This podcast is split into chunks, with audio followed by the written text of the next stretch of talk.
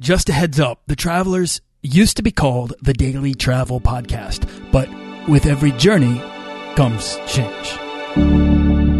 This podcast is produced by Holocene, a community of creative travelers. If you want to get serious about planning that next trip, writing that book, starting that creative project, or launching that business, we're breaking down the barriers between where you are where you want to be together at joinholocene.com. That's join, H O L O C E N E.com. Today we're exploring how to build the unconventional life that matters with Jenna Davis. You want to travel further and more often to visit new places and meet new people and expand the role that travel plays in your life? I'm your guide, Nathaniel Boyle, an explorer that wants to help you get out, see the world, and find meaningful, life changing experiences. Everyone wants to be adventurous and have great stories, to do the stuff of legend. This is the Daily Travel Podcast. Jenna Davis is a travel blogger and freelance writer from Ontario who, since 2012, has been choosing a life of travel over the status quo. Um, and rather than come up with a fancy bio, bio for her, I'm just going to quote something that she wrote about herself that I can wholly relate to. Uh, to be honest, I had no idea where I wanted to be in the future. I just knew I couldn't be average. I couldn't put myself into a position where I would go to bed every day unsatisfied with my life and worrying about the problems I have on my plate for the next day at the office. Life is so much bigger than that. And I felt so sheltered living this life I hated. Now, you can find her writing at giveforgranted.com where she focuses on meaningful adventure and giving back through sustainable travel, making a change in her life in dedication to the service of others. And we'll get into all of that right now and what motivates Jenna Davis to make travel a bigger priority in her life. Jenna, thank you so much for Hello. coming on the show. Hey. Welcome. Pleasure. All right. Thank so you. I shared a, you know, very, actually very tiny bit about you, but I need you to, uh, uh, take us back to where you're from and how you got started traveling. All right. Well, I was born in Oakville, Ontario, and I had graduated from a four year course in sport management business, which I really just did because it sounded awesome. and I mean, I loved that aspect of it. And at some point, I ended up winding my way into the world of marketing and working 40 hours a week while actually still being in school to pay off my student loans. Wow. Yeah. and, and I was, at that point, I was driving back and forth from Niagara Falls all the way to Toronto, which would take me about two or three hours. Oh my gosh. And uh, I mean, at, at the beginning, I, I really loved having that status and being able to say that I was working full time at a marketing agency. And it's something that at, at my age, I was about 18, 19 back then. And, and nobody else could have said the same thing. But I, after about a year or two, I, I was kind of fed up with that life and realized that I really wasn't going anywhere I wanted to go. And that's what sparked my travel in the first place. So, had you traveled much before this? Had you had had you traveled as a kid?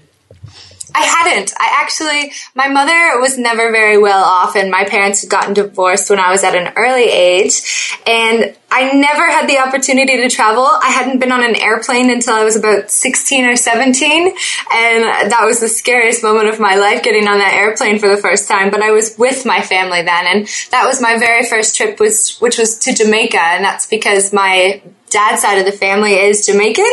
So we were going for a family reunion. So before that, I really hadn't gone anywhere besides your typical 27 hour drive to Florida from Toronto, which was very common for all of us to do. So Yeah, I feel like we've all done that drive down, down 95 at one point in our lives. Uh, what do you think, Jenna, sparked your curiosity to travel? I think it was, I, I, was in my sport management degree and I had just done Jamaica, which I really enjoyed, but I had done the resort trip and the catamaran across the water and all of this. And it, I really enjoyed it because it was my first trip, but it's not something that sparked my travel. And then I had an opportunity in third year of university, which is I mean, at that point, I was pretty old. So, and all of my friends had already traveled before, and I just didn't have the money to do it. And it was never in my plans for the future. I always expected my life to go one way and work at the marketing world in Toronto for the rest of my life until in my third year, I got the opportunity to travel to Peru for three weeks. And that was to actually support government officials and teachers and help teach them how to incorporate social justice into games And I oh, wow. absolutely fell in love with travel at that point. And I, I, fell in love with being able to support people halfway across the world and learn all about their culture. And from that moment on, I just really didn't stop. so your, your lens of the world through travel was, was, a, it seemed like it had a lot more potential. Like the act of travel had more yeah. potential to you because of this unique experience in Peru. Absolutely. You know, that's really that's really interesting. So you said your your your mom wasn't very well off, and then you're working 40 hour work weeks in order to pay for college while still in school. Um, I feel like Jen, I feel like this is like the beginning of a story of someone who like uh, develops this like work ethic, who's very proud of their work ethic, and I'm sure that you, you, you have one, but like you know, then hits like the 40 hour work week, the 50, 60, 70 hour work week, works really hard to the bone, and then you hear that same old thing where it's like, well, you just you need to get a job, you need to work. I came from nothing and I worked my way up. I, I feel like I've heard that so many times, but something in in you said, you know, none of this is really working, and and so so it's just funny to me that money and and and the the, the need for it uh, would would be. How did you reconcile that that that change for you if you're going from you know struggling to pay for school to actually going out and freelancing rather than having a steady income? Exactly. And I mean, that's definitely been the hardest part for me going forward with all of my travel plans. But thinking back then, I mean, starting in my career so young and making that money. And as you grow up in Toronto and around the GTA, you grow up thinking about how much money you're making and, and what your next dinner out is going to be. And everything in my life revolved around money. And at this point, my, my mom works with special needs children and my sister was living in the Arctic and she had actually adopted her first baby at the age of, I believe, 24. And she had taken him from a mother who couldn't take care of him. Uh, she had been drinking a lot and this is a common problem in the North. And I, I just kind of stepped back from what I was doing at that time and, and looked at where my sister and my mom had been and how hard they had worked, but how much they had already been able to achieve. And I, don't want to say that a company that's not supporting something I'm passionate about isn't worth working at, but for me, the, it, the money wasn't making me happy and what would make me happy is to help make a difference in somebody's life whether it be somebody with special needs that my, my mother worked with or adopting a, a newborn baby in the arctic who could have been living with an abusive and alcoholic mother. So uh, these things, they just inspired me to do something that would help make a difference because realistically at the end of the day you go home from work and you're doing nothing but giving more money to a massive company in toronto and that was not satisfying me at all. You know i, I love what you're saying and i think it's super wise to be honest. Like um routine uh, driven by money. It's it solves problems, right? Like I think that a society set up so that you can do that and you can solve the problem. And you know what? That works for a lot of people and that's great. But one of the problems that it does not solve is that urgency to live a fulfilling life. Right. And so that to me, I think that's why I was excited to talk about you because I was like, I bet Jenna gets exactly where I'm coming from on this, on this, uh, this sense of urgency, this need to express yourself and to see the world and to be curious and creative. I feel like, um, novelty is kind of one of those things that can routine is is routine is, can can really bore us to the bone and novelty can shake us up and uh, make us feel happier when we're when we're kind of surrounded by new experiences right but what you're saying that's really smart i think is that is is that you you know, new experiences for yourself, that gets old after a while. But when you find these opportunities for mutual affection to give back to someone, that seems to be, from all of the research I've done on this show, uh, the thing that people continuously land on as being sort of the end all and be all. If you can put your work and time into helping other people, that fulfillment is almost like the ultimate. It's, it's, it's, that is true sort of satisfaction. Absolutely, yeah. Where did you learn that lesson? And was that specifically in Peru helping these gamers, or was there a moment that you can pinpoint? Um, I think it was. I mean, I, I really had an inspiration to travel when I had gone to Peru, which also led me to my next trip where I met my boyfriend of now two years, which is why I'm in Germany, a completely different story. but, uh, but basically after that, my sister was still living in the Arctic and it was nowhere I had ever imagined going because the, it's a community of about 500 people right now. She's living in a small town called Ulukhaktok, Northwest Territories. and yeah, it's a mouthful, but originally she was in Iqaluit, Nunavut. And so I went up there to visit her and I, I guess I just was not prepared. Like you go to Africa, I went to South Africa fully prepared as to what I was going to see. I went to Peru knowing that I was going to work in the shanty towns with the kids and the government officials. But I went to Iqaluit to see my sister and my nephew and had no idea what experiences I was about to embark on, which was incredible. And I mean, the sights and the sounds there, it's, it's breathtaking. But at the same time, there was so much poverty that I had never anticipated that it really just like, hit home for me. And at that point, that's when I realized that I don't just want to travel the world, but I want to be able to travel the world and help give back in some aspect. Jenna, can you paint me a picture of the poverty there? Because I don't have any, uh, you know, I, I, I, can picture poverty in my head, but for it to, to impact you so much, I mean, what was it specifically? Exactly. And I mean, I had already been in South Africa and I had already been in. Peru and right. I was working in these shanty towns where it's families upon families just living in small shacks. And of course that affected me in a way, but then going to the north, I guess you just, you don't picture people living in poverty in negative 30 degrees Celsius weather, right? So I remember waking up at about five o'clock in the morning one day because there was noise outside of my window and I could not figure out why somebody would be awake in the middle of the night screaming outside of my window. And I crawled out and looked over the window ledge and there was a few boys who were probably between the ages of five and eight years old and they were smoking weed beside my house.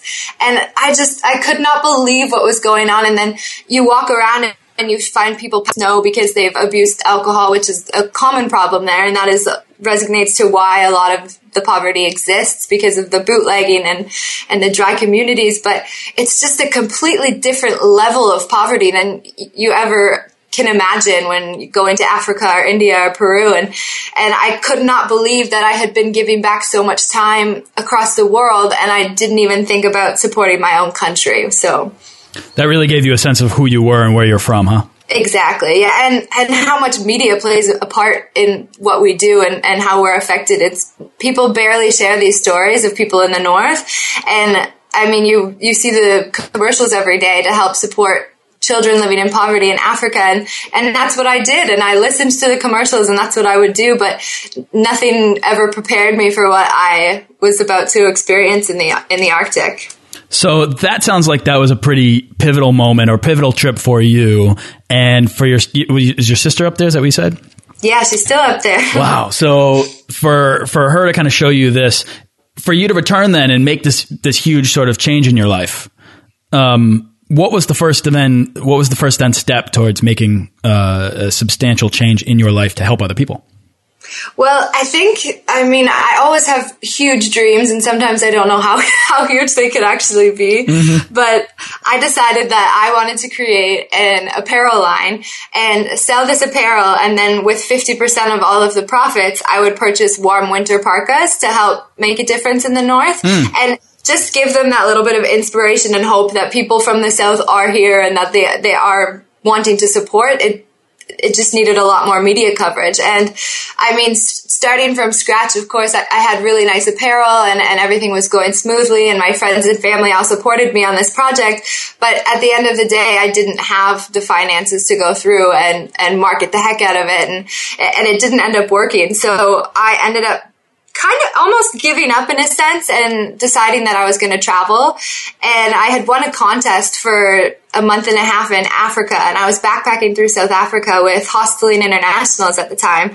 And, and from that time I started blogging just because the contest required me to blog and I, I really was passionate about it and I, it was a way to help share my stories with my friends and family. And then I realized that I could incorporate the two. And I found out that that was a lot more successful for me than just selling the apparel on its own. So has your marketing background, I mean, it sounds like I, I know this feeling. I know the sense of, um, like I said, because it's like every day for me, but the sense of running a business, right? And then, and also like struggling to find the time to market it, even though just like you, Jenna, I have a background in marketing, I have a background in content marketing. Um, I feel like I know exactly what needs to be done, but the time that you can put into it is very limited when you're doing stuff like, I don't know, producing a travel blog, traveling, experiencing things, trying to come up with new ideas, trying to develop a product line, trying to uh, build a business. But all of these things can, um, really it can really run you uh, scrape you thin across you know um, too much toast did you find that your background in content marketing has helped you fall into travel blogging and doing what you're doing today Absolutely. I think that definitely was my passion at the time. And I, to be honest, I really didn't even know that content marketing was where I was headed. And I was working in promotional marketing at the time uh, before I started traveling. But moving forward today, I think I do have those marketing skills to do it, but you're right. There's just not enough hours in the day. And I mean, my entire schedule is just top to bottom full of the next things that I could possibly do, but there's there's always so much that can be done and I I mean I think that's what keeps me going at the same time because it's my own business and it's my own passion and it's not me just working at a marketing firm to make money for a larger company. So Right. So now that you're not doing that, now that you're not working at a marketing firm and going and doing the 9 to 5 and the commute and all of that stuff, um, what is your what is your sort of uh, trajectory right now? At the moment, I am still working on my blog. I do a lot of freelance work. So I do a lot of ghostwriting and content creation for different travel sites and airlines. And I also do, I mean, I do crazy things like I read about organic food and, and even just getting that little taste of something different definitely helps keep me on the right track when it comes to my own travel blog. So. What are the things that you're doing that satisfy your need to be creative and satisfy your need to sort of uh, give back to the places that you travel? I think I use my creativity to develop new projects, and I I had started with helping Northern Canadians living in poverty, but the more I travel, the more you really get a better understanding at how you can support people in, in countries without just assuming. So without saying, oh, well, they live in poverty, we need to provide them more water tanks because perhaps that's not the one thing that they need most. And I just got back from a trip in India and I figure that I use a lot of my creativity in my blog, but then I come up with all of these different ideas on, on uh, different entrepreneurial opportunities that we could help support others. So at the time, I was working with girls at a company called Reaching Hand, and they're a nonprofit organization, but they help young women and, and teens kind of grow into women and, and help support them with their menstruation and, and finding jobs and everything. And that sparked my idea to help support them in a way that we could produce menstrual cups which were good for the environment. And and I'm working on that project right now with them. So I always have a smaller project on the go that will pop up every now and then but that's definitely where my creative outlet flows Interesting. So, and I mean, what I love about this is that you're just kind of pursuing these projects that fulfill that need. You're trying to fill, uh, you know, your your your own cup of desire almost um, by by pursuing these projects while also traveling. And I and, and I love that because you're you're letting your travels fuel your creativity, and then you're letting your creativity satisfy your fulfillment. Um, and it's a really important, I think, loop that that really can kind of connect us. It's difficult to do, but I would rather be struggling with making that work than making something else work that doesn't answer the problem of living a living the right life, right? Exactly. Yeah, definitely. So where have your travels then taken you? I'm currently in Germany, and that is my story of, when I met my boyfriend about two and a half years ago in Africa. So I had just come back from two months in India because I am now helping them with a project for the women's empowerment group there. Um, and I'm settling down in Germany right now just to kind of update my blog. I've fallen a bit behind. I mean, I have so much in my brain, so much great content that I could put out there. It's just not enough time to write it all, right? So I think Always. I've definitely done I, my entire 2014 was filled with travels i haven't been home for 10 months. So i definitely hope to go back and see family every once in a while and just get that the blog up to date and continue working on these creative projects of mine that can help boost the support that i provide. Where in africa were you I was in South Africa and I had started in Johannesburg and I went down to Cape Town and I absolutely loved it, but it just gives me more of a reason to go back because South Africa is, is a lot better off, I guess, than Northern Africa, which I would love to visit. Yeah, Cape Town is just absolutely fantastic place. It's so unexpectedly sophisticated, and I only say that I have limited experience traveling in Africa, so I hope I don't come off as too naive. But I think that I had been through Johannesburg, I had been up into Malawi, and I'd been across to Zambia, and then coming back down and hitting Cape Town, it was so starkly European. Yes, um, yes. that I just when I got there, I was just I was caught off guard. I was kind of expecting something maybe more African, which I think Johannesburg has much more of an African character and uh, uh, or or maybe even distinctly South African. Um, even that, I was looking for a South African city, and I felt like I was in Europe along the like the, the most amazing coastline I'd ever seen.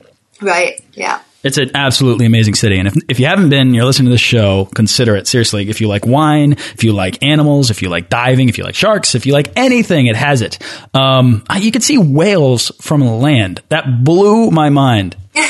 um, we met on Trippy. We were talking on trippy.com, uh, which is an amazing travel app. And, uh, at some point you had this crazy story about an orangutan, right?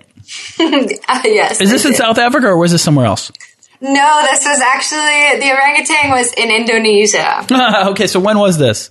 this was at the beginning of 2013. Okay. And I had been I spent 4 months in Thailand doing a tourism and environment course. It was my last 4 months of university. And I took a weekend trip down to Indonesia because the, I was with a group of all girls from Canada and it was too much to handle. So hmm. I jumped jumped on a plane, went to Bukit Lawang which is a tiny little village uh, close to Medan, Indonesia, and that's where my orangutan incident happened. Incident. I love this, and I want to get into this, and I'm, tr- I'm going to try to build some suspense into this. But I, I love that. I mean, you, you also had this thing. So you took off in 2012. That's when you started traveling. You had this experience in 2013. Um, you've been on the road for 10 months, and now you're sort of not necessarily planting roots, but you're staying in Germany for the time being um, with your boyfriend of two years. So this is like a vastly different lifestyle nowadays than it was three years ago. And what would you, what do you think that yourself driving two hours to work and then sitting in a desk uh, would would think of the person that you are right now sitting in Germany? I, I always say this at least once a week that I, I never anticipated being where I was today. And, and I mean, I had the money back then. I had more money than I knew what to do with. And I brought that with me on the beginning of my travels.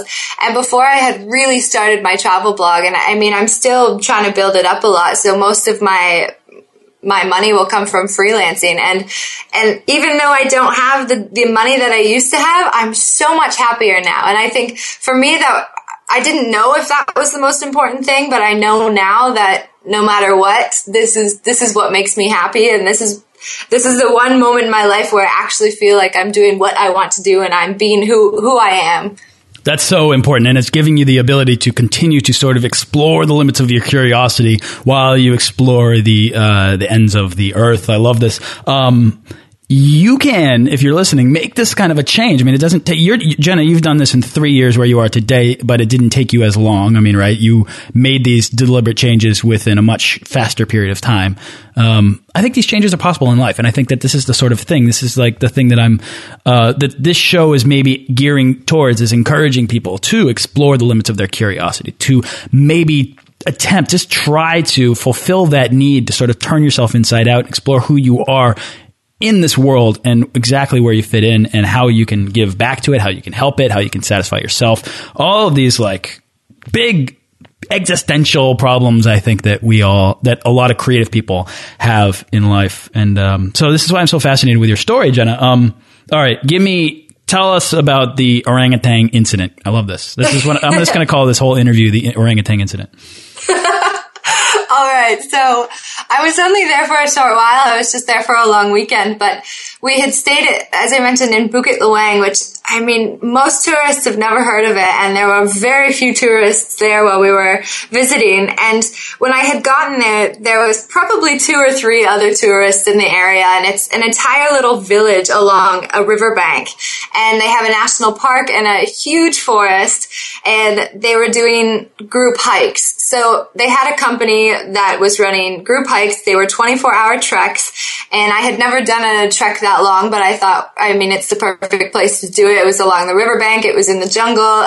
Everything seemed absolutely perfect. So I jumped on board. I signed up for this trip the following day and I woke up the next morning and the, the company had said that the employee who was supposed to take us was at home sick and that they had selected a different tour guide to take us on this 24 hour trek and that he had the experience, but the experience was from 10 years ago.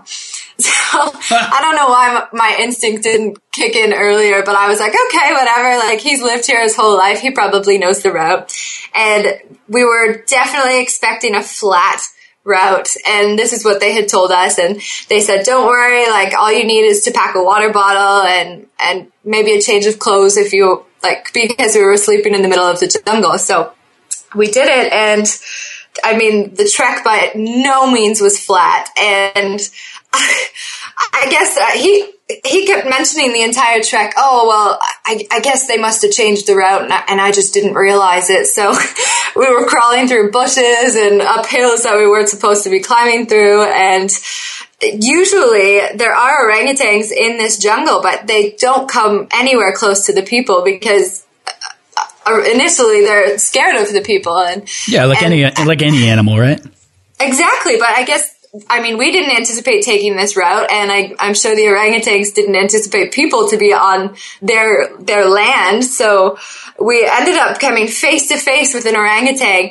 and we had no idea what was going on. And I mean, at this point, I, I realized that orangutans were dangerous, but I figured, well, I trusted my guide. There's obviously nothing to be worried about until he started screaming. And I said, I said, what do we do? Like, I didn't know, I had no idea. I, I figured my flight or fight would come into my mind, but Instinct, I just, yeah. yeah, I was just stunned and I had no, no idea and screaming, run, run as fast as you can, get the heck out of here. There's no way you're going to survive this if you don't just beat it now. So I had, I was with two other girls. One, I had both just met them and one was from out west in Canada and the other was a lawyer from the States. And the one girl had ran ahead as fast as she could. She had actually peed her pants. She was so scared. Oh my gosh. and I realized that she had gotten past the orangutan so quickly that I was up next. And I, I mean, I, I was face to face with this orangutan. I had tried to run, and of course, she was much faster than me.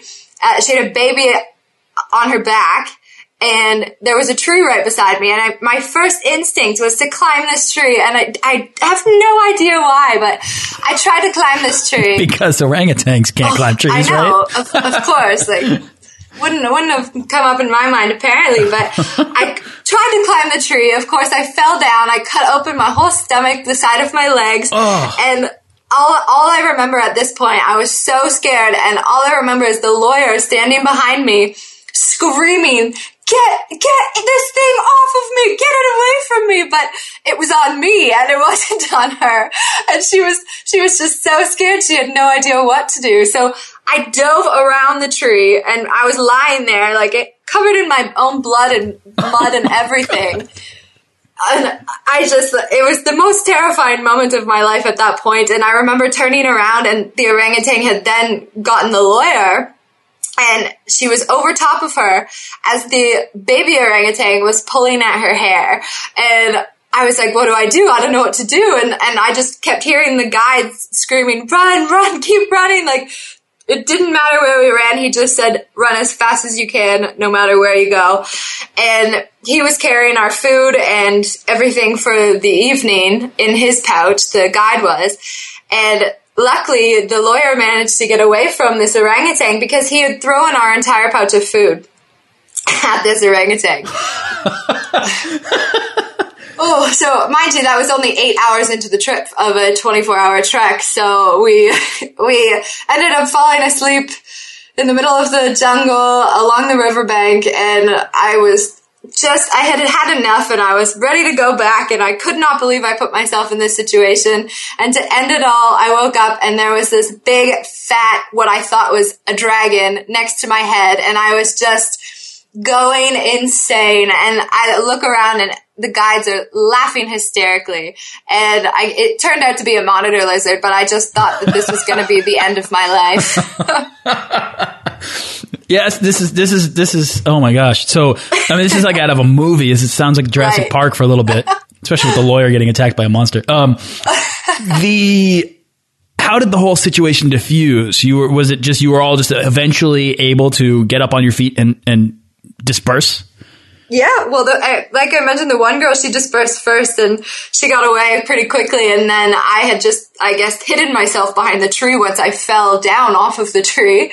And when the guide threw our pouch of food at the orangutan, I, I guess that's what she was after because she wanted to feed her baby. So I mean, that solved the issue, but it didn't ruin the fact that we were still chased by the orangutan. I'm taking notes here how to survive orangutan attack. I remember why I asked you to come on the show because that story is incredibly insane. I mean, those are talk about the challenges that you face when you're traveling. It's the and, and the unexpected things that happen to you along the way. I mean, I feel like that right there is a great example of how how extremely scary incidents that that you know, as long as nothing horrible happens, and it sounds like you came out okay in the end uh, make for these amazing legendary stories that you can carry with you and share with people uh, when you return. And they're these um, like outstandingly outlandish, amazing, entertaining, fun stories that, in my eyes, make you seem absurdly adventurous. And and uh, and I, I, think that's such an amazing story. So thank you for for sharing that.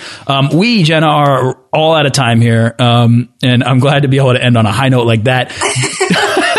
Do you have anything else that you'd like to um, add before we begin to wrap up? I don't. I think it's it's wonderful being able to speak to you, and I definitely hope that I inspire other people to help make a change in in some way. And I mean, even if you're not looking to give back or volunteer with elephants or anything so specific like that. There's so many ways that you can travel sustainably and help make a difference along the way that I could somehow inspire people to do the same. Love that. Jenna, what's exciting you the most right now? Where's your next trip or what's your next project?